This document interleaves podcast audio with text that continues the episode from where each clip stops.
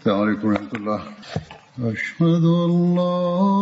إله إلا الله وحده لا شريك له وأشهد أن محمدا عبده ورسوله. أما بعد فأعوذ بالله من الشيطان بسم الله الرحمن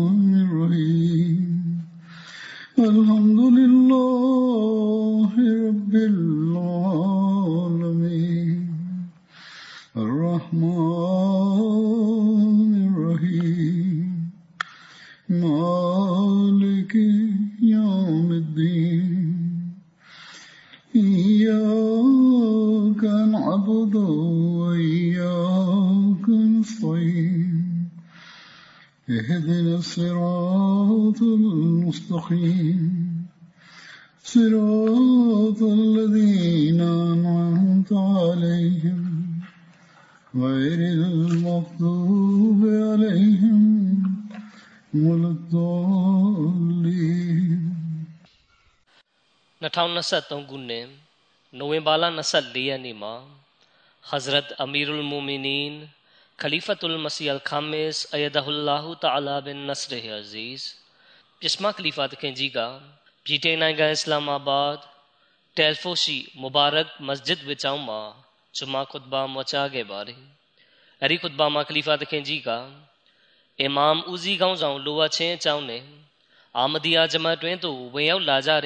တ်ဘာမချခဲ့ပါတယ်။အဲဒီခွတ်ဘာမှာခလီဖာတခင်ကြီးကအီမမ်ဦးစီးကောင်းဆောင်လိုအပ်ခြင်းအကြောင်းနဲ့အာမဒီယာဂျမတ်တွင်သို့ဝင်ရောက်လာကြတဲ့တချို့သောလူပုဂ္ဂိုလ်တွေရဲ့အကြောင်းကိုမွချတင်ပြခဲ့ပါတယ်။ခလီဖာသခင်ကြီးမိန့်ကြားတော်မူသည်မှာ Hazrat Masih Maud al-Islam တခင်ကမိမိရဲ့ရေးသားချက်တွေနဲ့မိန့်ကြားချက်တွေထဲကနေရာများစွာမှာမိမိပွင့်ပေါ်ကြွားမြန်းရခြင်းရည်ရွယ်ချက်ဒီခေတ်ကာလမှာမွတ်စလင်ပြုပြင်ရေးတမန်ပွင့်ပေါ်ဖို့လိုအပ်ခြင်းအကြောင်းနဲ့ဆက်နွယ်ပြီးမိန့်ကြားတင်ပြထားပါတယ်။ဒါပြင်သခင်ကြီးကမိမိဟာလတ်မြတ်ထံတော်မှ ခေတ်ကာလရဲ့လိုအပ်ချက်နဲ့ညီအချိန်ကိုက်ပွင့်ပေါ်ကြွားမြန်းလာရောက်ခြင်းဖြစ်ကြောင်းသက်သေပြခဲ့ပါတယ်။ဒါပြင်သခင်ကြီးကမိမိဟာအလရှမြတ်ရဲ့ဆွန်နတ်ကျင့်ထုံးအစဉ်လားဓမ္မတော်မြတ်ဆလ္လာလဟ်အလัยဟ်ရဲ့ကြိုတင်ဟောကိန်းတွေနဲ့အညီပွင့်ပေါ်ကြွားမြန်းလာခြင်းဖြစ်ကြောင်းကိုလည်းဖော်ပြမိန့်ကြားထားပါတယ်။ဒါနဲ့ဆက်နွယ်ပြီးမစီမောဦးအလိုင်စလမ်သခင်ကမိန့်ကြားတော်မူပါတယ်။ပြီးပြည့်စုံစွာတတ်သေးထူရန်အတွက်ကျွန်ုပ်ဖော်ထုတ်တင်ပြလူသည်က အလရှမြတ်သည်ဤခေတ်ကာလအားအမောင်လွှမ်းနေသောခေတ်ဖြစ်နေသည်ကိုမြင်တော်မူလျက်ကဘာလောကအားမေလျော်ပေါ်တံမူကိုဖိုရသွေဖီမှုနှင့်ရှရစ်အလာနှင့်ရှင်ဘတ်ပြုသောလောက်ရံများ၌နစ်မြုပ်လျက်ရှိသည်ကိုမြင်တော်မူလျက်အီမန်ယုံကြည်ခြင်းရိုးသားဖြောင့်မတ်ခြင်းတစ္ဆာရှိခြင်းတကွာအပြစ်ရှောင်ခြင်းစသည်တို့ဆုပ်ယုပ်ကြဆင်းလျက်ရှိနေသည်ကိုမြင်တော်မူလျက်ကျွန်ုပ်အားဆေလွတ်တော်မူရခြင်းဖြစ်သည် တို့အားဖြင့်အရှင်မြတ်သည်ကမ္ဘာလောက၌ပညာပိုင်းလက်တွေ့ကျင့်ကြံမှုအပိုင်းယုံကြည်မှုပိုင်းဆိုင်ရာအမှန်တရားကိုတဖန်ပြန်လဲတည်တံ့စေရန်ဖြစ်သည်တို့ဖြင့်တဒနာပညာတဘာဝတ္တသာသနာတွင်အသက်တည်ထွင်ခြင်းရှရစ်အလာနှင့်ရှင်ဘတ်ပြုခြင်းနှင့်ဖျားမဲ့ဝါရအသွင်ဆောင်၍အလာဤဥယျာဉ်တော်ဖြစ်သောအစ္စလာမ်သာသနာကို ထိခိုက်ဆုံးရှုံးအောင်ပြုသူများကို ပြန်လဲတုံ့ပြန်ရန်အတွက်ဖြစ်သည်တို့ဖြစ်ရာ အိုးအမှန်တရားကို ရှာဖွေနေကြသူအပေါင်းတို့စဉ်းစားကြည့်ကြပါကုန်ဤဒီအစ္စလာမ်အတွက်ကောင်းကင်ယံကိုကြီးဆောင်မမှုကိုလိုအပ်နေသည့်အချိန်ခါမဟုတ်ပါသလိုလွန်ခဲ့သော73ရာစုအလင်ကအစ္စလာမ်သာသနာအပေါ်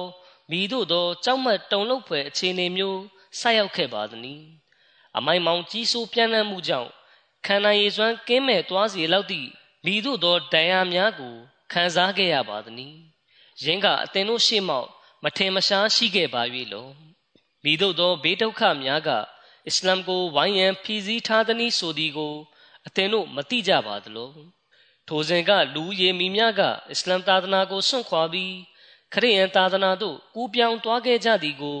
ယခုချိန်ထိအသင်တို့မသိကြပါသလို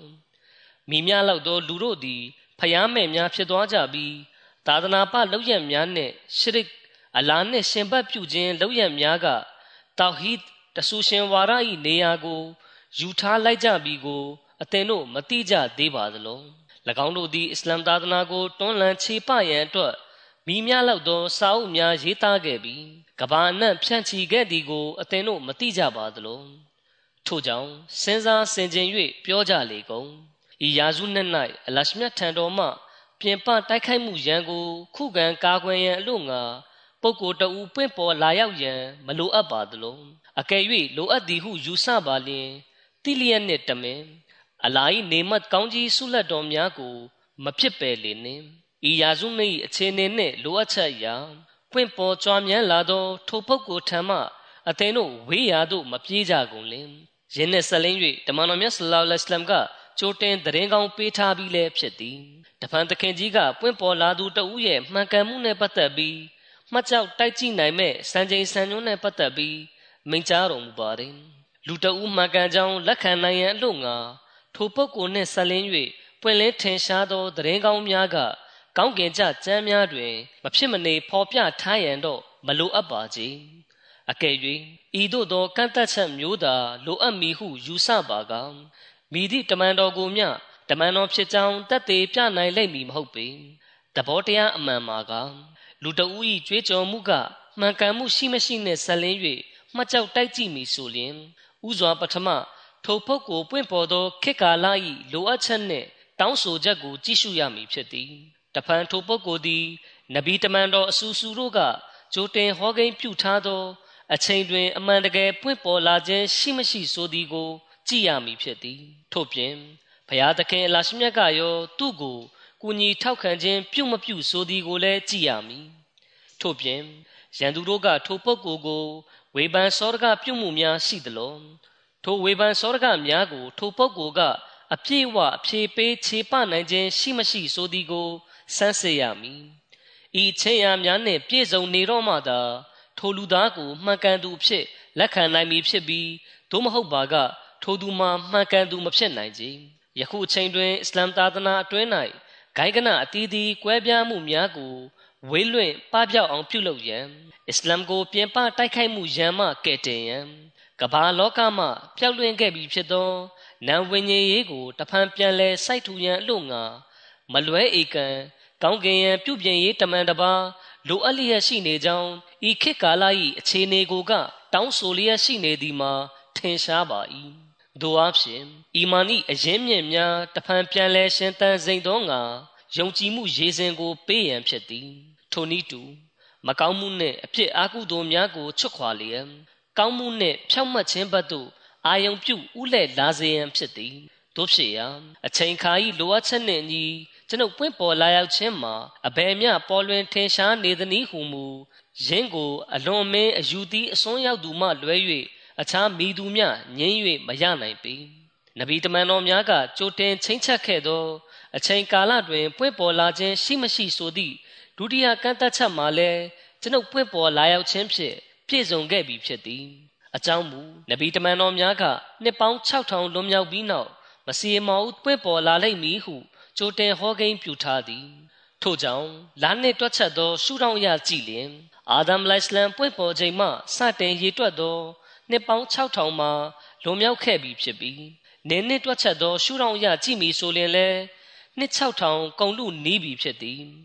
ယင်းကလည်းပြည့်စုံခဲ့ပြီဖြစ်၏ထို့ပြင်ကျွန်ုပ်တို့၏နဗီတမန်တော်မြတ်ဆလ္လာလဟ်အလัยဟ်က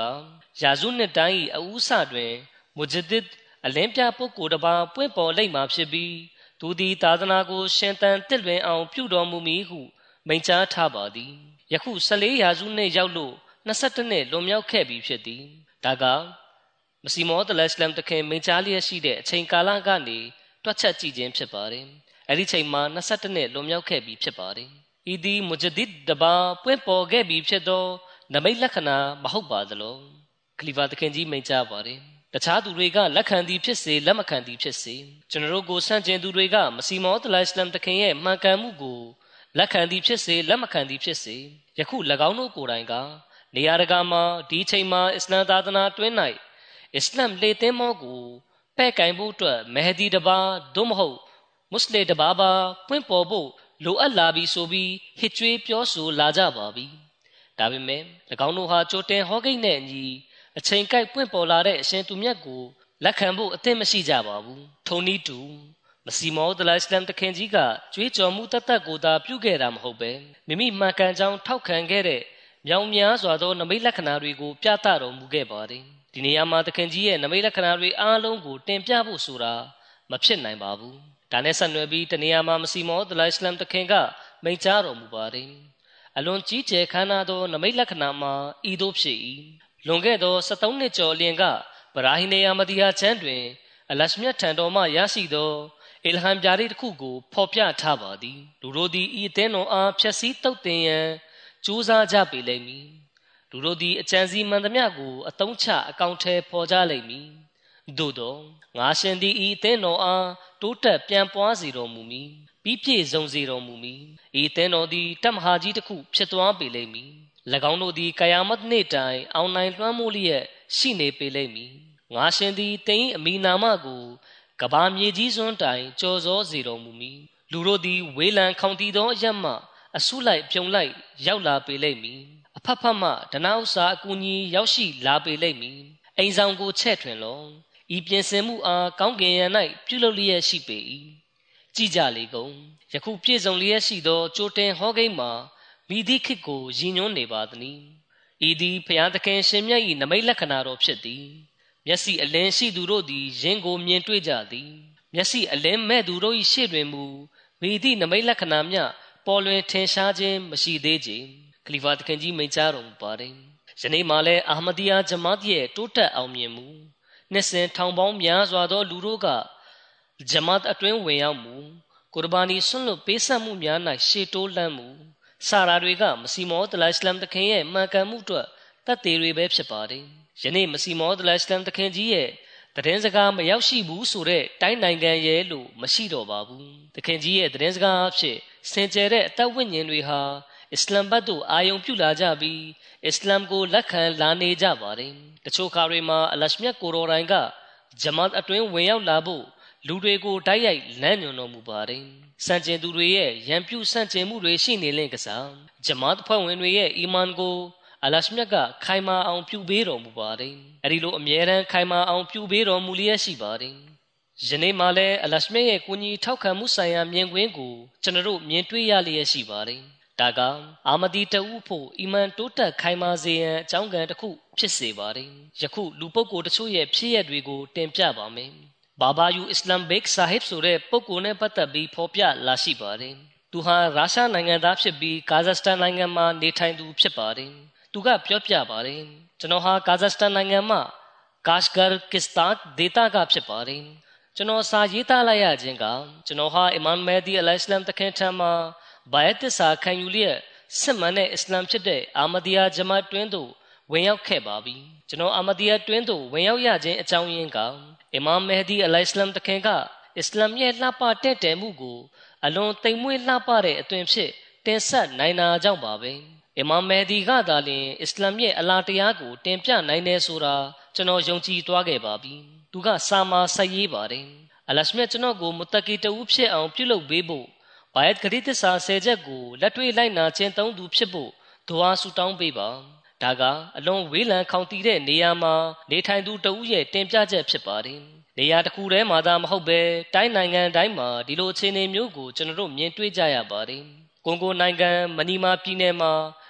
ရိုဒီဂါဆိုတဲ့နေရာတစ်ခုရှိပါတယ်။အဲ့ဒီဒေသမှာခရစ်ယာန်မိတ်ဆွေတဦးဖြစ်သူ ဖီရိုစ်မာဂျစ်ကဂျမတ်မှလက်ကမ်းစာဆောင်ကိုလက်ခံရရှိခဲ့ပါတယ်။အဲ့ဒီလက်ကမ်းစာဆောင်ထဲမှာ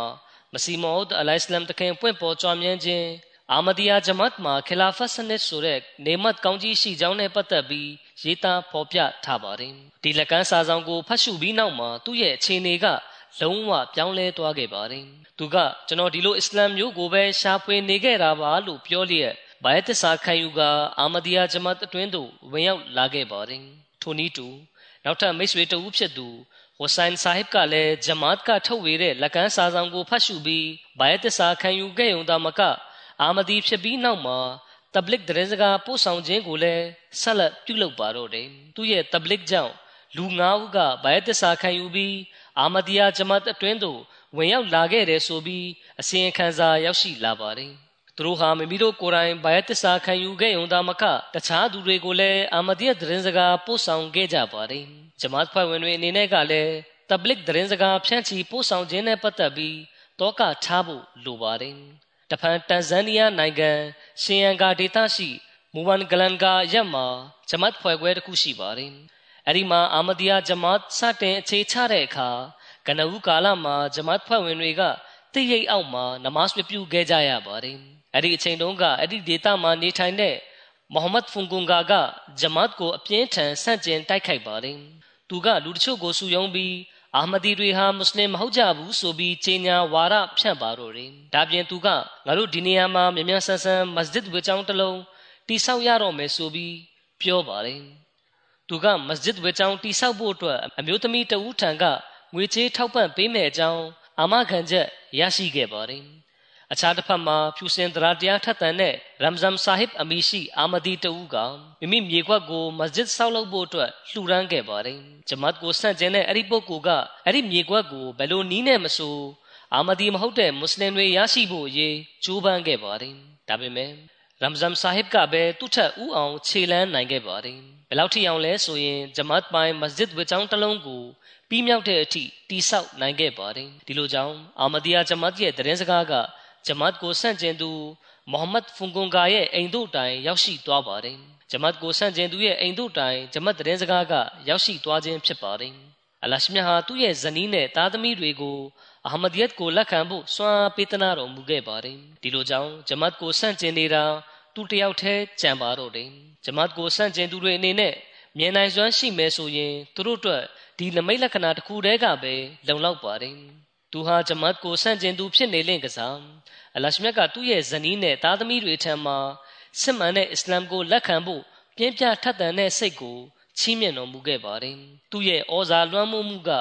သူ့မိသားစုအပေါ်တက်ရောက်မှုမဖြစ်ခဲ့ပါဘူး။လူသားဟာအဲ့ဒီလိုအီမန်ယုံကြည်မှုမျိုးနဲ့ပြောင်းလဲမှုမျိုးပေါက်ဖွာလာအောင်ပြုလုပ်နိုင်ပါသလား။အလင်းပြုလုပ်နိုင်မှာမဟုတ်ပါဘူး။တကယ်တော့ဒါက အလရှမြရဲ့ဖဇလ်ကျေးဇူးတော်အားဖြစ်တာလျင်ဖြစ်လာနိုင်တဲ့ကိစ္စတစ်ခုဖြစ်ပါတယ်။အလရှမြရဲ့ကူညီထောက်ခံမှုအီမန်ယုံကြည်ခြင်းခိုင်မာမှုနဲ့ဆက်နွယ်ပြီးနောက်ထပ်နမူနာဖြစ်ရတစ်ခုလည်းရှိပါတယ်။အဲဒီဖြစ်ရကအာဂျင်တီးနားနိုင်ငံကဖြစ်ရဖြစ်ပါတယ်။အာဂျင်တီးနားကတောင်အမေရိကတိုက်ထဲမှာတည်ရှိပါတယ်။ဒါမျိုးလာတူဖြစ်ရတွေကအာဖရိကဆိုဗီယက်နိုင်ငံတွေမှာသာမကယခုအမေရိကတိုက်မှာလည်းရှိနေပါတယ်။အာဂျင်တီးနားနိုင်ငံမှာ မရီလာဆိုင်ဘာကအစ္စလာမ်ကိုလက်ခံခဲ့ပါတယ်။ဒါပေမဲ့သူမကမွတ်စလင်တွေရဲ့အကျင့်မူတွေကြောင့်အစ္စလာမ်နဲ့တဖြည်းဖြည်းအလန်းဝေးသွားနေပါတယ်။သူမကအာမဒီမဖြစ်လာသေးခင်အရင်အစ္စလာမ်ကိုလက်ခံခဲ့တာဖြစ်ပါတယ်။သူမဟာအာမဒီရဲ့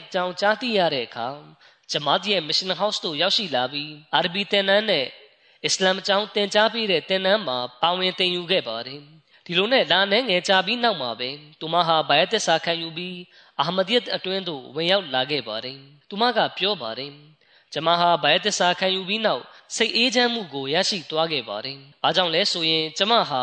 ဂျမတ်ရဲ့တွင်တင်ချက်တွေနဲ့ဂျမတ်ဖွဲ့ဝင်တွေရဲ့လက်တွေ့ကျင့်သုံးမှုဟာတစ်ထက်တည်းဖြစ်နေတာကို တွေ့ခဲ့ရတာကြောင့်ပါပဲစမန်နဲ့ညီရင်ကိုစိတ်သက်ကိုဖော်ကျူးပြသနေတဲ့ပေါင်ဝင်းကျင်တစ်ခုကို ရောက်ရှိနေတယ်လို့ခံစားရပါတယ်ဒီသင်းတော်မှာအသက်ဝင်ရောက်လာသူတွေကိုလည်းဂျမတ်အလုပ်ကျွေးပြုဖို့အခွင့်အရေးပေးပြီး ဘယ်လိုခွဲခြားမှုကိုမှမတွေ့ခဲ့ရတာကြောင့်ပါပဲသူမရဲ့သမီးဖြစ်သူကမွတ်စလင်မဟုတ်သူတဦးဖြစ်ပြီးဆွန်နီအစ္စလာမ်စင်တာမှာပညာသင်ကြားနေသူတဦးဖြစ်ပါတယ်အာရဗ်တွေကငွေကြေးကုန်ကျခံပြီးအဲ့ဒီကျောင်းကိုတိစောက်ခဲ့တာဖြစ်ပါတယ်။သူမကအဲ့ဒီကျောင်းမှာပညာသင်ယူနေတာဖြစ်ပါတယ်။ကျောင်းအုပ်ချုပ်ရေးပိုင်းမှာလူတွေကသူမရဲ့မိခင်ဂျမတ်အတွင်းဝင်ရောက်လိုက်ပြီးဖြစ်ကြောင်းတီးသွားတဲ့အခါသူမကိုဂျမတ်အားဆွန့်လွတ်ဖို့ဖိအားပေးပြောလာပါတော့တယ်။ ဒါပြင်ဂျမတ်နဲ့ဆန့်ကျင်ပြီးမဟုတ်တမ်းတရားဝါဒဖြန့်ပါတော့တယ်။သူမရဲ့သမီးဖြစ်သူကမိမိရဲ့ကိုယ်ပိုင်ဆန္ဒနဲ့ကျောင်း project တစ်ခုရဲ့ဒစိမ့်တစ်ပိုင်းနေဖြင့်ဂျမတ်ပိုင်း mission house ကိုအလဆင်ဖို့အတွက်ပြင်ဆင်နေတယ်ဆိုတာကိုတည်သွားတဲ့အခါကျောင်းအုပ်ချုပ်ရေးပိုင်းမှလူတွေကသူမကိုအလွန်စိတ်ဆိုးသွားကြပါတယ်ဒီခါ၎င်းတို့ကသူမကိုအာမဒီယာဂျမတ်နဲ့ပတ်သက်နေမယ်ဆိုရင်တော့အသင်မအနေနဲ့ဒီကျောင်းမှာဆက်တက်ဖို့ခက်ခဲလိမ့်မယ်ဒါကြောင့်အသင်မတို့နှစ်ဦးစလုံးအာမဒီယတ်နဲ့တီးကြနေပါ မပတ်သက်ပါနဲ့ဆိုပြီးပြောပါတယ်ဒီကျောင်းကိုသူမရဲ့မိခင်ဖြစ်သူကတီးသွားတဲ့အခါမဆိုင်မတော့ပဲသူမကိုယ်တိုင်သမီးဖြစ်သူကိုချက်ချင်းအဲ့ဒီကျောင်းကနေထုတ်ပြစ်လိုက်ပါတယ်ဒီနောက်မိခင်ဖြစ်သူကယခုကျမရောကျမသမီးပါအေးချမ်းချမ်းပဲရှိနေတယ်ဘသူကမှကျမတို့ကိုဘာသာရေးကိုအကြောင်းပြုပြီးအနောက်ရှက်ပေးလို့မရဘူးကျမဟာအာမဒီယာဂျမတ်ကိုမှန်ကန်တဲ့သာသနာဖြစ်တယ်လို့ယုံကြည်တာကြောင့်လက်ခံခဲ့ခြင်းဖြစ်ပါတယ်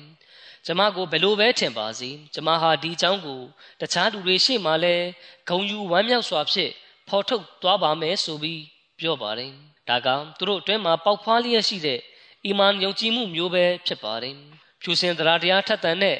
ဆွနတ်ဆူလ်တာနူဆာဟစ်ကလက်ရှိရုရှားနိုင်ငံဘူခါရာဒေသမှာနေထိုင်ပါတယ်တကယ်ကသူဟာဥဇဘတ်ကစ္စတန်နိုင်ငံကဖြစ်ပြီးရုရှားမှာအလောက်လာလောက်တာဖြစ်ပါတယ် သူကပြောပါတယ်ကျွန်တော်မိသားစုထဲမှာကျွန်တော်တဦးတည်းကအာမဒီဖြစ်ပါတယ်ကျွန်တော်ဟာမိမိရဲ့သားသမီးတွေနဲ့ဇနီးကိုအာမဒီယတ်အကြောင်းကိုစဉ်ဆက်မပြတ်ပြောပြနေခဲ့ပါတယ်ကျွန်တော်ဇနီးနဲ့သားသမီးတွေလည်းအာမဒီဖြစ်လာဖို့ကျွန်တော်အတော်လေးစိတ်အားပြင်းပြနေခဲ့ပါတယ်လရှမြဟာသူတို့ကိုလည်းအစ္စလာမ်အာမဒီယတ်အလင်းရောင်ဖြစ်လင်းထိန်တောက်ပအောင်ပြုပေးတော်မူပါဆိုပြီး အမြောက်အများတော်ဝါဆူတောင်းခဲ့ပါတယ်ဒီလိုနဲ့ကျွန်တော်အိမ်မက်မြင်ပါတယ်အိမ်မက်ထဲမှာမစီမောဒလိုင်စလမ်တခင်ကကျွန်တော်ရင်ဘတ်ပေါ်မှာမိမိခေါင်းကိုအပ်လျက်ဆူရာအခလာစ်ကိုအဆက်မပြတ်ဖတ်ရွတ်လျက်ရှိနေပါတယ်ဒီလိုကြောင့်ကျွန်တော်စိတ်နှလုံးအေးချမ်းသွားခဲ့ပါတယ်အဲ့ဒီတိုင်းပဲကျွန်တော်ဟာဂျနတ်တုခဘုံမှာမိမိရဲ့ဇနီးသားသမီးတွေနဲ့အတူရှိနေတယ်ဆိုပြီးတော့လဲအိမ်မက်မြင်ပါတယ်အဲ့ဒီမှာကျွန်တော်ဟာတမန်တော်မူဆာနဲ့တမန်တော်အီဆာကိုလည်းမြင်တွေ့ခဲ့ရပါတယ် သူဟာအိမ်မက်ကြောင့်ကျင်းတဲ့အေးချမ်းမှုကိုရသွားခဲ့ပါတယ်ဒီနောက်သူကဂျနတ်ဆိုတာအစ္စလာမ်အာမဒီယတ်ကိုရည်ညွှန်းခြင်းဖြစ်တယ်အာမဒီယတ်ရဲ့တွင်တင်ချက်တွေကဂျနတ်တုခဘုံဆိုင်ရာတွင်တင်ချက်တွေဖြစ်တယ်ဆိုတာနားလည်သွားခဲ့ပြီအလရှမြဟာမိမိရဲ့ဖဇလ်ကျေးဇူးတော်ဖြစ်သူ့ရဲ့ဇနီးနဲ့သားသမီးတွေကိုဒီဂျနတ်အတွင်းသို့ခေါ်ဆောင်လာလိမ့်မယ်ဆိုတာသူယုံကြည်သွားခဲ့ပါတယ် သူကပြောပါတယ်အိမ်မက်မြင်ပြီးရန်နေငယ်ပဲရှိပါသေးတယ်အလရှမြတ်ကကျွန်တော်ရဲ့16နှစ်အရွယ်သားဖြစ်သူဒယာဘိတ်ဆွန်နတ်ကိုအာမဒီယတ်ကိုလက်ခံဖို့စွမ်းအားပေးသနာတော်မူခဲ့ပါတယ်အဲ့ဒီနေ့ဟာကျွန်တော်တို့အလွန်ပျော်ရွှင်မဆုံးဖြစ်ရတဲ့နေ့တစ်နေ့ပါပဲဒါကိုစကလုံးတွေနဲ့ဖော်ပြဖို့မစွမ်းတာပါဘူးဒီတိုင်းပဲလရှမြတ်ကျွန်တော်ဇနီးရဲ့နှလုံးသားကိုဖွင့်ပေးတော်မူလျက်သူမကိုလည်းအာမဒီယတ်ကိုလက်ခံလာအောင်ပြုပေးတော်မူပါ ဒါကဂျမတ်အတွင်းဝင်ရောက်လာသူတွေရဲ့စိတ်အားထက်သန်ပြင်းပြမှုပဲဖြစ်ပါတယ်။ UK နိုင်ငံမှာအာမဒီယတ်ထဲအသစ်ဝင်ရောက်လာသူအမျိုးသမီးတဦးကပြောပြပါတယ်။ကျမဟာအစွန်းရောက်ဆွန်နီမိသားစုတဲကတဦးဖြစ်ပါတယ်။ကျမကိုသူတို့ကဆွန်နီအစ္စလာမ်ကပဲစစ်မှန်တဲ့အစ္စလာမ်ဖြစ်တယ်ဆိုပြီးပြောထားကြပါတယ်။တရက်ကျမတက္ကသိုလ်ရဲ့အနီးမှာတည်ရှိတဲ့ဂီလဟမ်မြို့မှာနာဆစ်မစဂျစ်ကနေအဇန်ဆိုဒန်ကိုကြားလိုက်ရပါတယ်။အင်ကိုရောက်တဲ့အခါ အဖေကိုကျမတို့တက္ကသိုလ်အနီးမှာအလွန်လှပတဲ့မစဂျစ်ဝေချောင်းတစ်လုံးရှိတယ်ဆိုပြီးပြောပြလိုက်ပါတယ်ဒီခါဖေကစုံစမ်းကြည့်တဲ့အခါအဲ့ဒီမစဂျစ်ကအာမဒီတွေရဲ့မစဂျစ်ဖြစ်ကြောင်းသိလိုက်ရပါတယ်ဖေကကျမကိုဒါဟာကာဒီယန်နီတွေရဲ့မစဂျစ်ဖြစ်တယ်သူတို့ဟာခါသမေနဘူဝတ်ကိုအယုံကြည်မရှိကြသူတွေဖြစ်တယ်သူတို့ဟာလမ်းလွဲလမ်းမတို့ရောက်နေသူတွေဖြစ်တယ်သူတို့ကမိမိတို့ဘာသာတီးခြားတမန်တော်တစ်ပါးကိုဖန်တီးထားကြတယ်။ ဒါကြောင့်သင်အဲ့ဒီမစဂျစ်နဲ့ဝေးဝေးနေပါဆိုပြီးကျမကိုပြင်းပြင်းထန်ထန်တားမြစ်ပါတယ်။အစာပိုင်းတော့ကျမဟာအဖေစကားကိုနားထောင်ခဲ့ပေမဲ့ကျမနှလုံးသားကဒါကိုလက်မခံနိုင်ဘူးဖြစ်နေပါတယ်။ကျမစိတ်ထဲမှာအာမဒီယတ်နဲ့ပတ်သက်ပြီးသိရအောင်လေ့လာမှုတွေပြုရမယ်လို့ခံစားမိပါတယ်။ဒါပေမဲ့တစ်ဖက်မှာကျမအာမဒီယတ်အားလေ့လာနေတာကိုကျမမိသားစုကတည်သွားပြီးစိတ်ဆိုးသွားမှာကိုလည်းစိုးရင်နေခဲ့ရပါတယ်။တက္ကသိုလ်မှာအာမဒီအတန်းဖော်တွေနဲ့ဆုံခဲ့ပါတယ် သူတို့နဲ့အတူအာမဒီယတ်နဲ့ပတ်သက်ပြီးအသေးစိတ်ဆွေးနွေးပြောဆိုဖြစ်ပါတယ်အစာပိုင်းမှာကျွန်မကဆွန်နီအစ္စလာမ်ကပဲစစ်မှန်တဲ့အစ္စလာမ်ဖြစ်တယ်ဆိုတာတတ်သိပြဖို့ကြိုးစားခဲ့ပါသေးတယ်သူတို့နဲ့ဆွေးနွေးပြောဆိုပြီးနောက်မှာတော့အာမဒီယတ်နဲ့ပတ်သက်ပြီးသူတေသနာပြုလေ့လာဖို့အတွက်ကျွန်မပို့ပြီးစိတ်အားပြင်းပြထပ်တန်လာခဲ့ပါတယ်ဒီနောက်မှာကျွန်မအာမဒီယာဂျမတ်ရဲ့ website ကိုတွေ့သွားပါတယ်အဲ့ဒီမှာဗီဒီယိုတော်တော်များများကိုကြည့်ခွင့်ရခဲ့ပါတယ်များစွာသောအကြောင်းအရာတွေကိုလည်းဖတ်ရှုလေ့လာခွင့်ရခဲ့ပါတယ်။ အစ္စလာမ်နဲ့ပတ်သက်ပြီးတချို့မေးခွန်းတွေကိုဘယ်နေရာကမှကျွန်မစိတ်ကျဉ်နှက်လောက်တဲ့အဖြေမျိုးမရခဲ့ပါဘူး။ဒါပေမဲ့ကျွန်မအာမဒီယတ်ရဲ့စာပေကိုလေ့လာဖတ်ရှုကြည့်တဲ့အခါကျွန်မရှာနေတဲ့မေးခွန်းတွေရဲ့အဖြေကိုရရှိခဲ့ပါတယ်။ယခုအာမဒီလူငယ်တွေအနေနဲ့လည်းနီမန်လမ်းမန်နဲ့လေလာစီးပူးမှုတွေပြုမယ်ဆိုရင်တခြားလူတွေရဲ့လွှမ်းမိုးမှုကိုခံရတော့မှာမဟုတ်ပဲမိမိတို့သိလိုတဲ့မေးခွန်းတွေရဲ့အဖြေကိုရရှိသွားပါလိမ့်မယ် တချို့လူငယ်တွေကပြင်ပရဲ့တက်ရောက်လွှမ်းမိုးမှုကိုခံရပါတယ်သူမကပြောပြပါတယ်ဒီနောက်မှာတော့အလရှမြတ်ကျမကိုနမိတ်လက္ခဏာတစ်ခုခုပြသတော်မူပါဆိုပြီးဒဝါဆူတောင်းခဲ့ပါတယ်ဒါကလမ်းညွန်မှုရရှိဖို့မှန်ကန်တဲ့လမ်းကိုရရှိဖို့အတွက်အကြောင်းကံနီးလန်းတစ်ခုပဲဖြစ်ပါတယ်ဂျမတ်ဖွဲ့ဝင်ဖြစ်စေအာမဒီယတ်ထဲအသက်ဝင်ရောက်လာသူဖြစ်စေမိမိတို့ရဲ့အီမန်ယုံကြည်မှုပိုင်းခိုင်မာစေဖို့အရှင်မြတ်မိမိကိုနမိတ်လက္ခဏာပြသဖို့ လမ်းမှန်ကိုပြသဖို့အတွက်အရှင်းထံတော်မှာဒွါဆူတောင်းကြရပါမယ်။သူမကပြောပြပါတယ်။အဲ့ဒီတောတွင်းမှာကျမအိမ်မက်အမြောင်များမြင်မှတ်ခဲ့ပါတယ်။အိမ်မက်တစ်ခုမှာကျမကမြကန်းတစ်ခုရဲ့ကန်းဆက်နားမှာရောက်နေပါတယ်။တစ်ဖက်ကန်းမှာဇရုထခလီဖာသခင်ကခမ်းမတစ်ခုတွင်းသို့ကြွားမြန်းသွားနေပါတယ်။ကျမကမြစ်ကိုကူးပြီးတစ်ဖက်ကန်းသို့သွားခြင်းပေမဲ့လေမြစ်ကရေစီးတန်နေပါတယ်။ဒီခါဇရုထခလီဖာသခင်က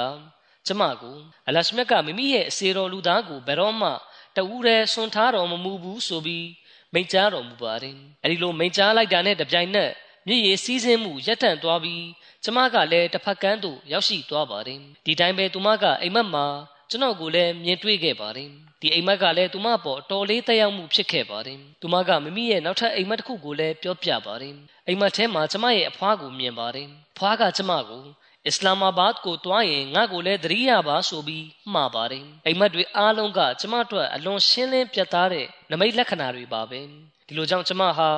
ဘာယတ်သစ္စာခံယူခဲ့ပါတယ်လူတွေကိုအာမဒီယတ်ဘတ်သို့ခေါ်ဆောင်လာခြင်းသူတို့ရဲ့နှလုံးသားမှာအီမန်ယုံကြည်မှုခိုင်မာလာစေခြင်းစတာတွေကအလရှမြရဲ့နမိတ်လက္ခဏာမဟုတ်ရင်တခြားဘာပါလဲ တဖန်အာဖရိကတိုက်ထဲကနိုင်ငံတစ်ခုရှိရွာတွေမှာ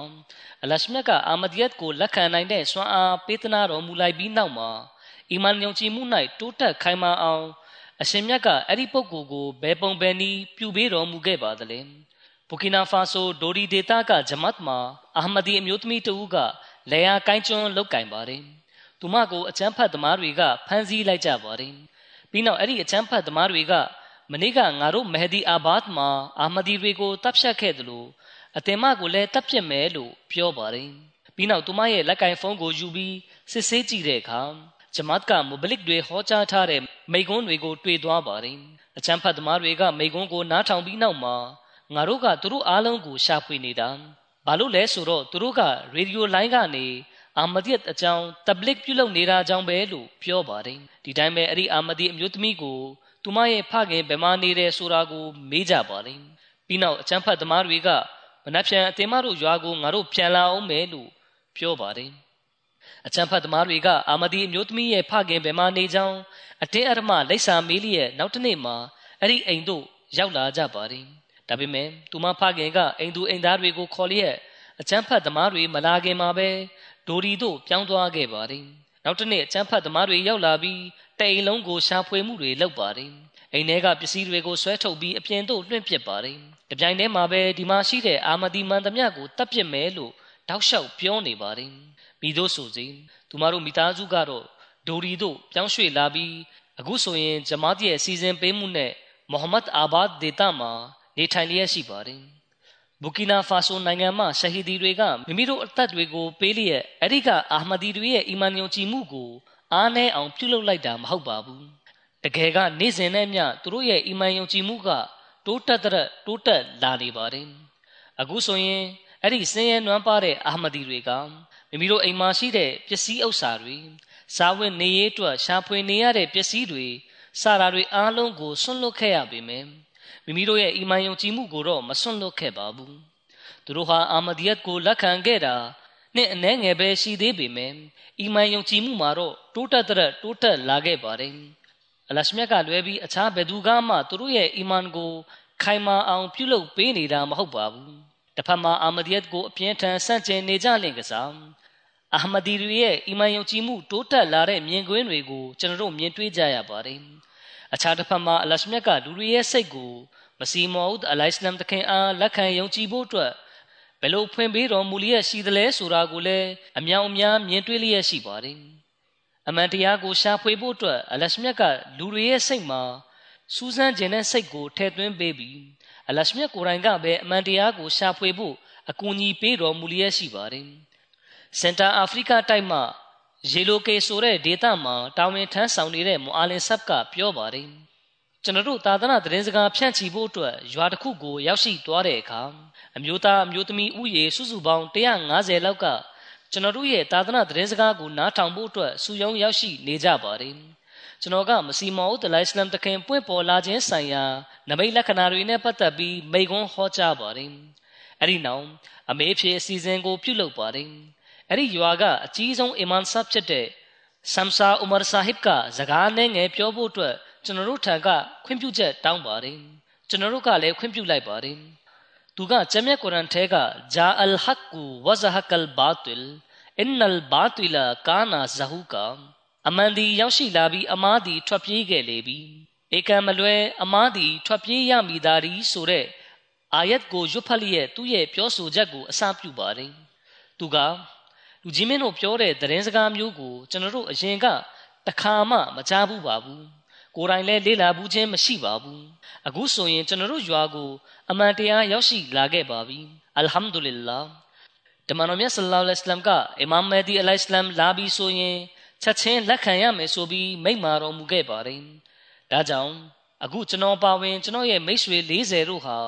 အာမဒီယာမွတ်စလင်ဂျမတ်ထဲသို့ဝင်ရောက်ပါတယ်ဆိုပြီးပြောပါတယ်အဲဒီနောက်သူကဆက်လက်ပြီး အလရှမြတ်ကျွန်တော်တို့ကိုအမှန်တရားပေါ်မှာယက်တီနိုင်စွမ်းပေးသနာတော်မူပါစေဆိုပြီးဆုတောင်းပါတယ်ကလီဖာတခင်ကြီးမိန့်ကြပါတယ်ဒီလိုနီးနယ်လူတွေကဂျမတ်ထဲသို့ဝင်ရောက်လာနေကြပါတယ်တဖန်လရှမြတ်ကဆန့်ကျင်ဘက်ရန်သူတွေကိုဂျမတ်ဘတ်သို့ဘယ်ပုံဘယ်နည်းဆွဲခေါ်လာပါသလဲအဲ့ဒါနဲ့ပတ်သက်ပြီးမြောင်များစွာသောဖြစ်ရပ်တွေရှိပါတယ်အာဖရိကတိုက်ထဲကမာလီနိုင်ငံကိုလီကိုရီဒေသမှာနေမနာမ်လို့ခေါ်တဲ့နေရာတစ်ခုရှိပါတယ် ဒီနှစ်မှာကိုလီကိုရီဂျမတ်ကဂျလ်ဆာကျင်းပပြုလုပ်ပါတယ်ဂျလ်ဆာမကျင်းပမီဂျလ်ဆာကျင်းပမဲ့အကြောင်းရေဒီယိုကနေကြိုတင်အသိပေးကြေညာပါတယ်နေမနာမ်ရွာကအလွန်ဝေးလံတဲ့နေရာမှာတည်ရှိတာကြောင့်တခါတရံရေဒီယိုလိုင်းမိသလိုတခါတလေမမိပါဘူးဒါပေမဲ့အဲ့ဒီကာလမှာတော့ရေဒီယိုလိုင်းကကောင်းစွာမိပါတယ်အာမဒီမဟုတ်တဲ့ပုဂ္ဂိုလ်တယောက်ကရေဒီယိုကကြေညာချက်ကိုကြားပြီးဂျယ်ဆာတက်ရောက်မယ်လို့ဆုံးဖြတ်ချက်ချခဲ့ပါတယ် သူနဲ့အတူမိတ်ဆွေတယောက်လည်းပါပါတယ်အဲ့ဒီမိတ်ဆွေကဂျမားတီရဲ့တုံတင်ချက်တွေသတင်းစကားတွေကိုနားမထောင်ဖို့ဆုံးမပြောဆိုနေသူလည်းဖြစ်ပါတယ်သူတို့နှစ်ယောက်စလုံးကဂျယ်ဆာတက်ရောက်လာကြပါတယ်ဂျယ်ဆာတက်ဖို့အတွက်ကီလိုမီတာ80ခရီးကိုဖြတ်တန်းပြီးလာရောက်ကြခြင်းဖြစ်ပါတယ်ဂျယ်ဆာမချင်းပမီနှစ်ရက်အလိုမှာတင်ဂျယ်ဆာတို့ရောက်ရှိလာပါတယ်နေမြေဥက္ခရနဲ့ဂျမတ်ဖွဲ့ဝင်တွေကသူတို့ကိုကြိုးဆိုပြီးအခမ်းကျွေးမွေးပါတယ်ဂျယ်ဆာမတိုင်မီမှာပင် အာမဒီယတ်နဲ့ပတ်သက်ပြီးသူတို့သိရှိသွားကြပါတယ်သူတို့ကဂျယ်ဆာတွေမှာမိဂွန်းတွေကိုနားထောင်ကြပါတယ်တာဂျုဒ်နမတ်ကိုဘာဂျမတ်နဲ့စူပေါင်းဝတ်ပြုခြင်းဂျမတ်ဖွဲ့ဝင်ချင်းချင်းချစ်ခင်စွာနေထိုင်နေကြခြင်းစတာတွေကိုတွေ့ခဲ့ရပါတယ်ဒါတွေကိုကြည့်ပြီးသူတို့စိတ်မှာလွန်စွာတက်ရောက်မှုဖြစ်ကြပါတယ်ဂျယ်ဆာနောက်ဆုံးနေ့မှာဧည့်သည်တွေကိုမိမိတို့ရဲ့အမြင်သုံးသပ်ချက်တွေကိုတင်ပြဖို့အတွက်သူတို့နှစ်ယောက်ကိုပြောခိုင်းတဲ့အခါသူတို့ကဖြစ်ချောင်းကုံစင်ကိုပြောပြလျက် အာမဒီယတ်ကိုလက်ခံကြောင်းပြောပြပါတယ်။အဲဒီနောက်မှာချက်ချင်းပဲသူနဲ့အတူပါလာတဲ့မိတ်ဆွေကတစုံတရာပြောဖို့လုပ်ပါတယ်။သူကတကယ်တော့ကျွန်တော်ကကျွန်တော်တငယ်ချင်းကိုအာမဒီယတ်ပေါ်အထင်မြင်လွဲမအောင်လုပ်ဖို့ခေါ်လာခြင်းဖြစ်ပါတယ်။ဒါပေမဲ့အခုတော့ကျွန်တော်ကိုယ်တိုင်ကအာမဒီယတ်ကိုလက်ခံယုံကြည်ခဲ့ပါပြီလို့ပြောပါတယ်။ဒီလိုနဲ့အဲ့ဒီပုဂ္ဂိုလ်ကလည်းအာမဒီယတ်ကိုလက်ခံခဲ့ပါတယ်။အာဖရိကတိုက်ထဲကကွန်ကိုဘရာဇီးနိုင်ငံကဖြစ်ရပ်ကိုတင်ပြပါမယ်။ ကျောင်းသားလူငယ်တဦးကအထက်တန်းကျောင်းပြီးသွားတဲ့အခါခရစ်ယာန်ကက်သလစ်ကျောင်းတစ်ခုမှာခရစ်ယာန်သာသနာပြုတယောက်ဖြစ်ဖို့ကျောင်းတက်ပညာသင်ကြားပါတယ်။သာသနာပြုကျောင်းတက်ရောက်ပြီးသွားတဲ့နောက်ချက်ကျောင်းကနေတဆင့်တက္ကသိုလ်တက်ရောက်မှာဖြစ်ပါတယ်။အဲ့ဒီကာလအတွင်းမှာကျွန်တော်တို့ရဲ့နယ်မြေမိုဘလစ်နဲ့အဆက်အသွယ်ရပါတယ်။မိုဘလစ်ဆပ်ကပြောပြပါတယ်။ကျွန်တော်ကသူ့ကိုစတင်ပြီးအာမဒီယတ်ရဲ့သတင်းစကားကိုတင်ပြပါတယ်အာမဒီယတ်ကတင်ပြတဲ့တတ်တဲ့အထောက်ထားတွေကို သူရောသူ့ရဲ့ချက်ချောင်းကသာသနာပြုဆရာကပါအဖြေပေးတုံ့ပြန်နိုင်ခြင်းမရှိခဲ့ပါဘူးဒီလိုကြောင့်သူကခရစ်ယာန်သာသနာပြုမလုပ်တော့ပဲဘိုင်ယက်ဂျူလီရဲ့အာမဒီယတ်ထဲဝင်ရောက်လာခဲ့ပါတယ်အခုဆိုရင်ဒါယေလလာ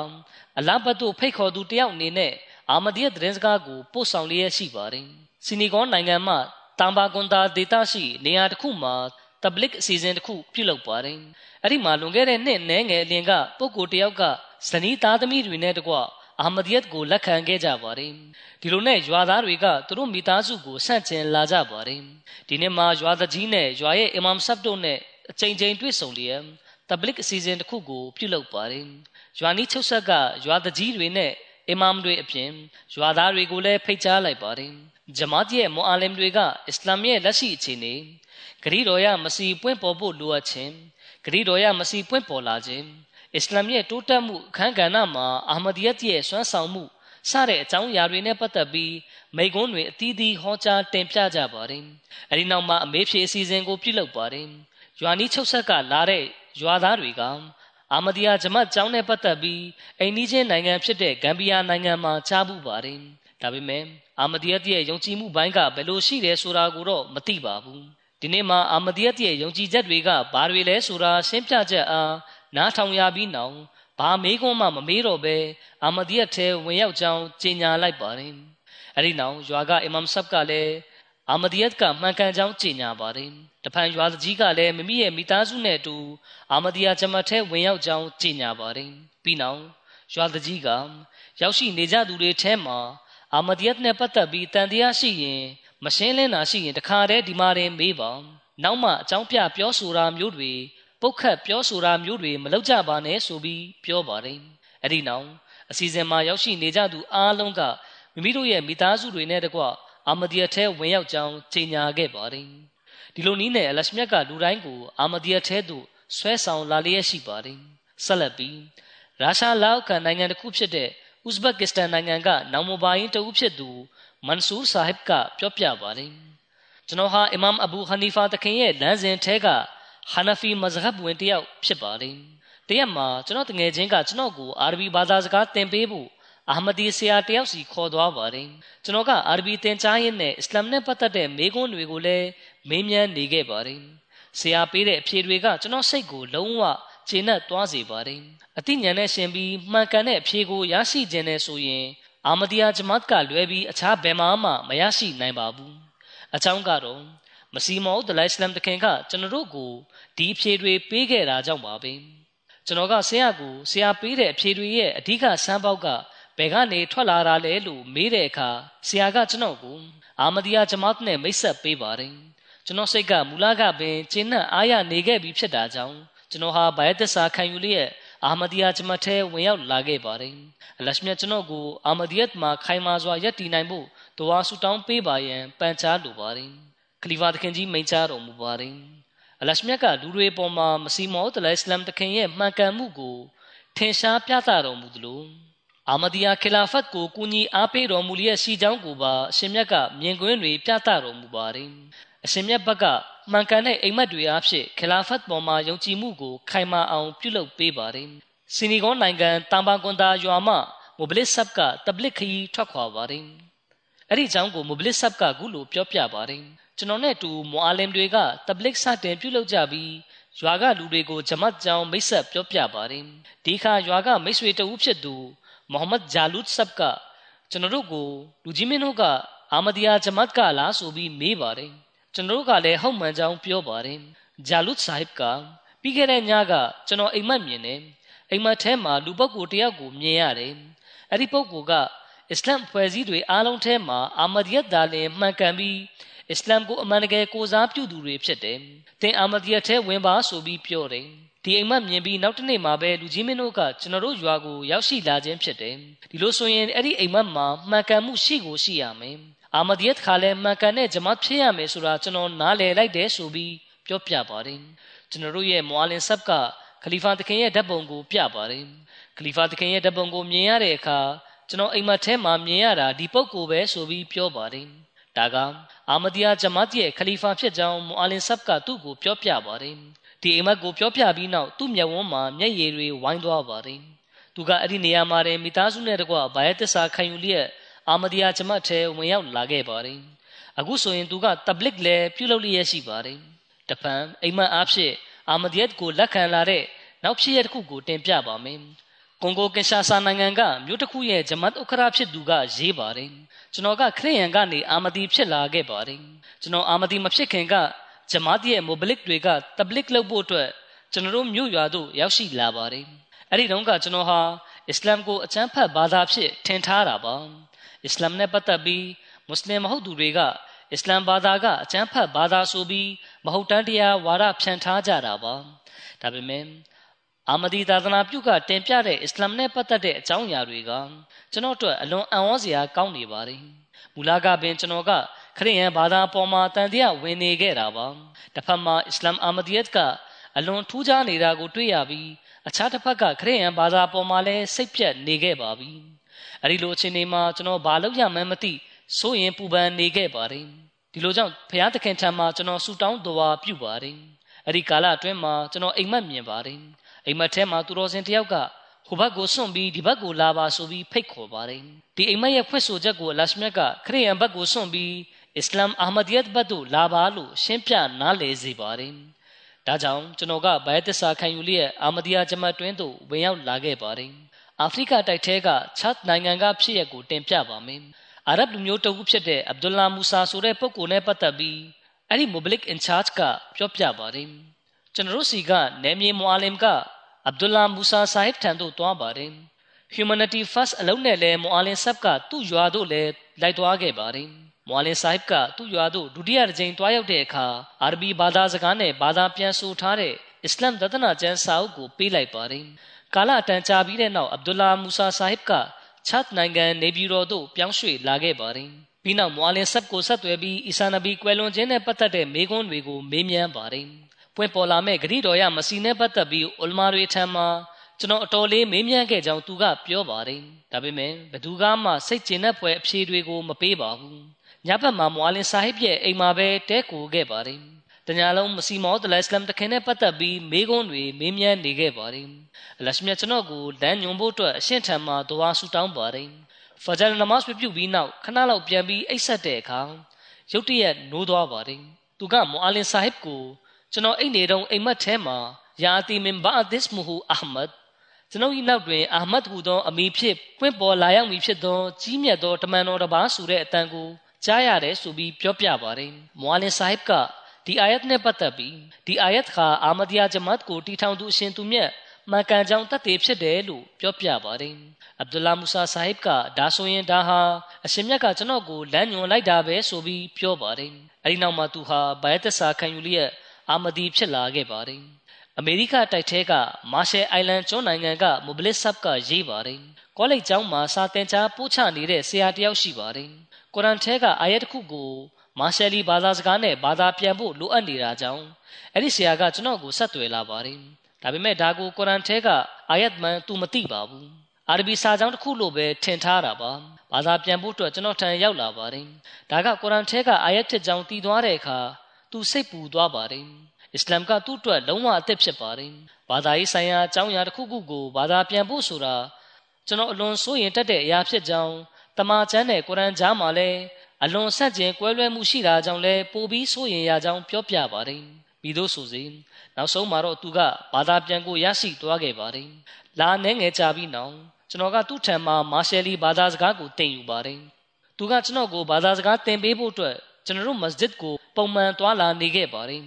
အဲ့ဒီကာလအတွင်းမှာအစ္စလာမ်နဲ့ပတ်သက်ပြီးအကြောင်းအရာတော်များများကိုပြောဆိုပြကြပါတယ်ဒီမှာမြတ်ဆလာလ္လမ်ရဲ့တုံသင်ချက်တွေကိုလည်းပြောပြပါတယ်ဒီလိုကြောင့်ဆရာကလည်းအစ္စလာမ်တုံသင်ချက်တွေကိုကောင်းစွာသိရှိနားလည်သွားခဲ့ပါတယ်ဒီလိုနဲ့များမကြမီမှာပဲခလီဖာတခင်ထံကကျွန်တော်တို့မာရှယ်အိုင်လန်ဂျမတ်ထံသို့မစီမောဒ်လအစ္စလမ်တခင်ရဲ့ ကျွန်ုပ်တို့ဤတုံသင်ချက်များစာအုပ်ကိုမာရှယ်လီဘာသာစကားနဲ့ဘာသာပြန်ပါဆိုပြီးတာဝန်ပေးရလာပါတယ်အကြောင်းကတော့အာမဒီအသစ်တွေအတွက်တရဘီယတ်ကအလွန်ရေးကြီးတာကြောင့်ဖြစ်ပါတယ်ဒီလိုကြောင့်ကျွန်တော်ကကျွန်ုပ်တို့ဤတုံသင်ချက်များဆိုတဲ့စာအုပ်ကိုဘာသာပြန်ဖို့အတွက်ဆရာနဲ့တိုင်ပင်တဲ့အခါဆရာကလည်းကူညီမဲ့အကြောင်းပြောပါတယ်အခုဆိုရင်ဆရာရဲ့အစ္စလမ်ပေါ်မြင်တဲ့သဘောထားအမြင်ကလည်းလုံးဝပြောင်းလဲသွားခဲ့ပါပြီ ဒီတစ်ခါမှဆရာကသူ့အလောက်ကင်အတွက်စိတ်ညစ်နေရကြောင်းပြောပြပါတယ်ဒီလိုကြောင့်ကျွန်တော်ကဆရာဆူတောင်းပါဒါပေမဲ့သခင်ယေရှုရဲ့နာမည်နဲ့ဆူတောင်းရမှာမဟုတ်ပဲ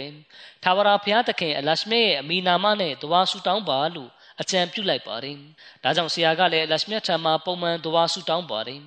ဒီလိုနဲ့သတင်းပတ်အနေငယ်ကြပြီးနောက်ယဉ်ကျေးမှုဝင်ကြီးထံကဆရာအတွက်ဌာနတစ်တစ်ခုဖွင့်ပေးပြီးအလုပ်တစ်ခုပေးလိုက်ပါတယ် အဲ့ဒီဌာနမှာပဲဆရာကအလုပ်လျှောက်တာကြောင့်ချက်ချင်းပဲအလုပ်ရရှိသွားခဲ့ပါတယ်ဆရာကကျွန်တော်ဒဝါဆူတောင်းတဲ့အခါတိုင်းသခင်ယေရှုရဲ့နာမည်ကိုရွတ်ဆိုတန်းတတာမျိုးမလုပ်မိအောင်မိမိကိုယ်ကိုထိမ့်ချုပ်တားဆီးပါတယ်အဲ့ဒီအစားသာဝရဘုရားသခင်အလရှမြတ်ထံမှာသာဒဝါဆူတောင်းပါတယ်ဆိုပြီးပြောပြပါတယ်ကာလအနေငယ်ကြာမှသူလျှောက်ထားတဲ့အလုပ်ဘက်ကအလုပ်လက်ခံစာရောက်ရှိလာပါတယ် ကုလိုဒဝါဆူတောင်းလက်ခံမှုကိုကြည့်ပြီးဆရာကမစီမောဒလစလမ်တခင်ရဲ့စကားလုံးတွေကိုရွတ်ဖတ်လျက်အာမဒီဖြစ်လာခဲ့ပါတယ်ပြီးတော့ကျွန်ုပ်တို့ဤတွင်တင်ချက်ဆိုတဲ့စာအုပ်ကိုလည်းပြီးစီးအောင်ဘာသာပြန်ဆိုနိုင်ခဲ့ပါတယ်ခရီးဖာတခင်ကြီးမိန့်ကြားတော်မူပါတယ်အလရှမြတ်ကလူတွေရဲ့နှလုံးသားကိုဘယ်ပုံဘယ်နည်းအစ္စလာမ်နဲ့မစီမောဒလအစ္စလာမ်တခင်ဘတ်သို့လှည့်ပေးနေတော်မူတယ်လဲဆိုတာဒီဖြစ်ရတွေကိုကြည့်ရင်သိနိုင်ပါတယ်တချိန်ကခရိယန်ဘာသာဟာ ကဘာပေါ်မှာခရိယန်အောင်ပွဲခံတဲ့အလံကိုစိုက်ထူမယ်လို့ကြွေးကြော်ခဲ့ကြတာပါအခုဆိုရင်ခရိယန်ဘာသာဝင်တွေကိုယ်တိုင်ကဓမ္မတော်မြတ်မုဟမ္မဒ်တခင်ဆလ္လာလဟ်အလัยဟ်ရဲ့အလံတော်အောက်သို့ဝင်ရောက်လာနေရပါတယ်ဒါတွေကိုကြည့်မြင်ပြီးတော့ပင်အမိကန်သာသနာပညာရှင်ဆိုသူတွေရဲ့မျက်စိတွေပွင့်မလာကြပါဘူးဒီတော့သူတို့ရဲ့ရေးကိစ္စကိုအလရှမြတ်သားလျင်ကိုင်းတွယ်ဖြေရှင်းပါလိမ့်မယ်မစီမောဒ်လအစ္စလမ်တခင်ကိုအကြောင်းခံပြီးအလရှမြတ်ကအစ္စလမ်သတင်းစကားကို ကမ္ဘာအစွန်ဖြာဒေသများစီတို့တိုင်ပို့ဆောင်ဖို့အတွက်အာမဒီယာဂျမတ်အားဖြင့်လှုပ်ဆောင်စီလျက်ရှိပါတယ်အဲ့ဒါကတီးပွင့်ဝေစာလာမှာဖြစ်ပြီးကြီးထွားပြန်ကားသွားမှာဖြစ်ပါတယ်ဘယ်သူကမှအလရှမြတ်ရဲ့ဒီလုပ်ငန်းကိုတားဆီးနိုင်မှာမဟုတ်ပါဘူးဒီနေရာမှာအာမဒီတိုင်းမသားထားရမှာကမစီမောဒ်လိုင်စလမ်တခင်ရဲ့ကြွေးကြော်ချက်တွေကိုယုံကြည်လိုက်တာနဲ့ပြီးမသွားဘူးဆိုတာပါပဲတကယ်ကကျွန်တော်တို့အာမဒီတွေအနေနဲ့ကျွန်တော်တို့တွင်းထဲမှာ အလရှမြတ်ပို့ချလိုက်တဲ့တွင်တင်ချက်တွေရဲ့စစ်မှန်တဲ့နမူနာပြရုပ်ဖြစ်စေတဲ့တန်ရှင်းတဲ့တော်လန်ပြောင်းလဲမှုမျိုးပေါက်ဖွာလာအောင်ပြုလုပ်ရပါမယ်။ဒါ့အပြင်တမန်တော်မြတ်ဆလ္လာလဟ်အလိုင်းရဲ့ဆွနတ်ပေါ်မှာလိုက်နာရှောက်လန်းတဲ့လက်တွေ့ပုံရိပ်ဖြစ်နေရပါမယ်။ဒီလိုအခြေအနေဖြစ်လာပြီးဆိုမှသာကျွန်တော်တို့ဟာလရှမေဖဇလ်ကျေးဇူးတော်တွေကိုအမွေခံရသူတွေဖြစ်နိုင်ပါလိမ့်မယ်။ဒီတိုင်းကြံ့ကြံနိုင်အောင်အလရှမေကျွန်တော်တို့ကိုစွာပေးသနာတော်မူပါစေ။အာမင်။ ပါလက်စတိုင်းပြည်သူတွေအတွက်တဝါဆူတောင်းလျက်နေကြပါအလရှမြတ်သူတို့ကိုခုလိုမတရားဖိနှိပ်မှုတွေကနေကယ်တင်လွတ်မြောက်မှုပေးသနာတော်မူပါစေအခုဆိုရင်ရန်နေငယ်ထိအပြစ်ခတ်ရက်စဲမယ်ဒီလိုအားဖြင့်ပါလက်စတိုင်းသားတွေအတွက်အသက်ရှင်ဖို့လိုအပ်တဲ့ထောက်ပံ့ရေးပစ္စည်းပစ္စည်းတွေပို့ဆောင်နိုင်အောင်လို့ဆိုပြီးပြောနေကြပါတယ်ဒါပေမဲ့ထောက်ပံ့ရေးပစ္စည်းတွေပို့ဆောင်ပြီးရင်ရောထပ်ပြီးတပ်ဖြတ်အောင်မလားဆိုတာကတော့တေချာရေရာမှုမရှိပါဘူးအစ္စရေးအစိုးရဖွဲ့ကတော့ အလွန်အန္တရာယ်များကြောက်မက်ဖွယ်ကောင်းတဲ့အနေအထားမှာရှိနေပါတယ်။ဘာကြောင့်လဲဆိုတော့အစ္စရေးအစိုးရဖွဲ့တဲ့ကအကြံပေးအရာရှိတဦးကမနေ့တနေ့ကပဲအကယ်၍ခဏတာပြစ်ခတ်ရက်စဲရေးကာလပြီးတာနဲ့ချက်ချင်းပြန်လဲပြစ်ခတ်တိုက်ခိုက်တာတွေမလုပ်ဘူးဆိုရင်ကျုပ်ကတော့အစိုးရအဖွဲ့တဲကနေနှုတ်ထွက်မယ်လို့ကြေညာလိုက်တာကြောင့်ပါပဲ။အစ္စရေးဘက်ကဒါမျိုးအတွေ့အကြုံရှိကြပါတယ်။အင်အားကြီးနိုင်ငံတွေကအပေါ်ယံအဖြစ်ကိုချင်းစာကြောင်းစကားတွေတော့ပြောကြပါတယ်။ ဒါပေမဲ့တရားမျှတမှုကိုတော့မကျင်သုံးလိုကြပါဘူးဒီရေးကိစ္စမှာဆိုရင်ပိုလို့တောင်အရေးတယူလို့အလေးနက်ထားတာကို မရှိကြပါဘူးစစ်ပွဲကဒီမှာတင်ရပ်တန့်နေလိမ့်မယ်လို့၎င်းတို့ကထင်မှတ်နေကြပါတယ်ဒါပေမဲ့သူတို့ထဲကအတီတရားရှိသူတွေကတော့ဒီစစ်ပွဲကအရှိလေပိုင်းမှာတင်ရပ်တန့်နေမှာမဟုတ်ပဲအပြင်ဘက်တို့ပါပြန့်နှံ့လာမှာဖြစ်ပြီးမိမိတို့နိုင်ငံကိုပါကူးဆက်လာမှာဖြစ်ကြောင်းပြောနေကြပါပြီ။ မွတ်စလင်နိုင်ငံတွေကလည်းအတန်ထွက်ပြောဆိုလာနေကြပါပြီ။ဆော်ဒီအာရေဗျဘုရင်ကလည်းမွတ်စလင်တွေအားလုံးအတန်တတန်နဲ့ထွက်ရမယ်လို့ပြောနေပါပြီ။ဒါကြောင့်မွတ်စလင်တွေအားလုံးမဖြစ်မနေအတန်တတန်နဲ့ညီညာစွာ ထွက်လာကြရပါလိမ့်မယ်။ဒီအတွက်အလွန်ထိရောက်တဲ့နီလန်းတွေကိုကျင့်သုံးရပါမယ်။ဒီလိုအတန်တတန်နဲ့ထွက်ရမယ်စီးလုံးရမယ်ဆိုတဲ့ခံစားချက်မျိုးခံစားမိလာကြတဲ့မွတ်စလင်ခေါင်းဆောင်တွေကိုလည်း အဲ့ဒီတိုင်းလက်တွေ့ကျင့်သုံးတိဆောက်နိုင်စွမ်းအလရှမြတ်ပေးတော်မူပါစေမိတို့ဆိုစေကျွန်တော်တို့အာမဒီတွေအနေနဲ့ဒွါဆူတောင်းမှုဘတ်တို့များစွာအာယုံဆိုင်ရပါမယ်ဂျမာနမတ်ဝတ်ပြုပြီးနောက်မှာကွယ်လွန်သူတချို့အတွက်ဂျနာဇာဂိုင်နမတ်ကိုလည်းဝတ်ပြုပါမယ်ကွယ်လွန်သူပထမပုဂ္ဂိုလ်ကအဗ်ဒุလ်ဆလမ်အာရစ်ဆာဟစ်ဖြစ်ပါတယ်အင်နာလ illah ဝအင်နာအီလိုင်ဟီရာဂျီအွန်သူကမူဘလစ်ဖြစ်ပြီး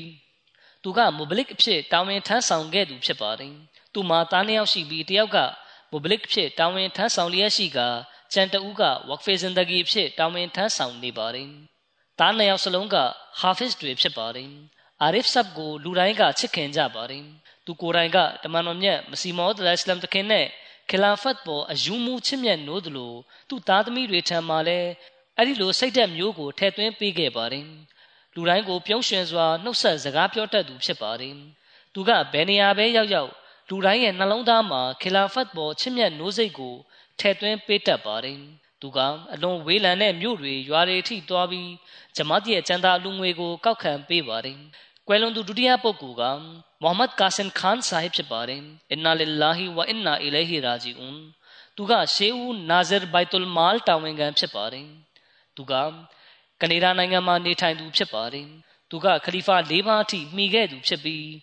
တတိယခလီဖာသခင်လက်ထက်မှာခလီဖာသခင်ရဲ့အတွင်းဝင်ယုံ၌တာဝန်ထမ်းဆောင်ခဲ့ပါတယ်။သူက၅ချိန်နမတ်ကိုပုံမှန်ဝတ်ပြုသူဖြစ်ပြီး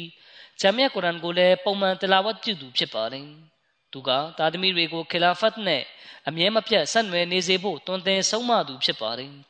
သူကခီလာဖတ်အတွက်ဒလွတ်တချောင်းကဲ့သို့ဖြစ်ပါတယ်ကွယ်လွန်သူတတိယပုဂ္ဂိုလ်ကအဗ်ဒุลကရီမ်ကုဒစီဆာဟစ်ဖြစ်ပါတယ်အင်နာလ illah ဝအင်နာအီလိုဟီရာဂျီအွန် သူကဂျမတ်မှာကြော်ကြားတဲ့ကြပြားဆရာတဦးဖြစ်ပါတယ်သူရဲ့နေကာကိုတတိယခလီဖာတခင်ကဖတ်ပေးခဲ့ခြင်းဖြစ်ပါတယ်သူမှာသားသမီးလေးယောက်ကြံရိတ်ခဲ့ပါတယ်သူ့သားတစ်ယောက်ကမဘလစ်တူဖြစ်ပြီးကတိခဖြစ်ဂျာမီယာအမဒီယာရဘဝါမှာတာဝန်ထမ်းဆောင်လျက်ရှိပါတယ်ကုဒစီဆာဟစ်ကအခန်းကဏ္ဍအသီးသီးကနေဂျမတ်တာဝန်တွေကိုထမ်းဆောင်ခဲ့သူဖြစ်ပါတယ်သူဟာအလွန်တော်တဲ့ကြပြားဆရာတဦးဖြစ်ပြီးသူ့ကြပြားတွေကိုလည်းဂျမတ်မှာစာအုပ်ထုတ်ပေးထားပါတယ်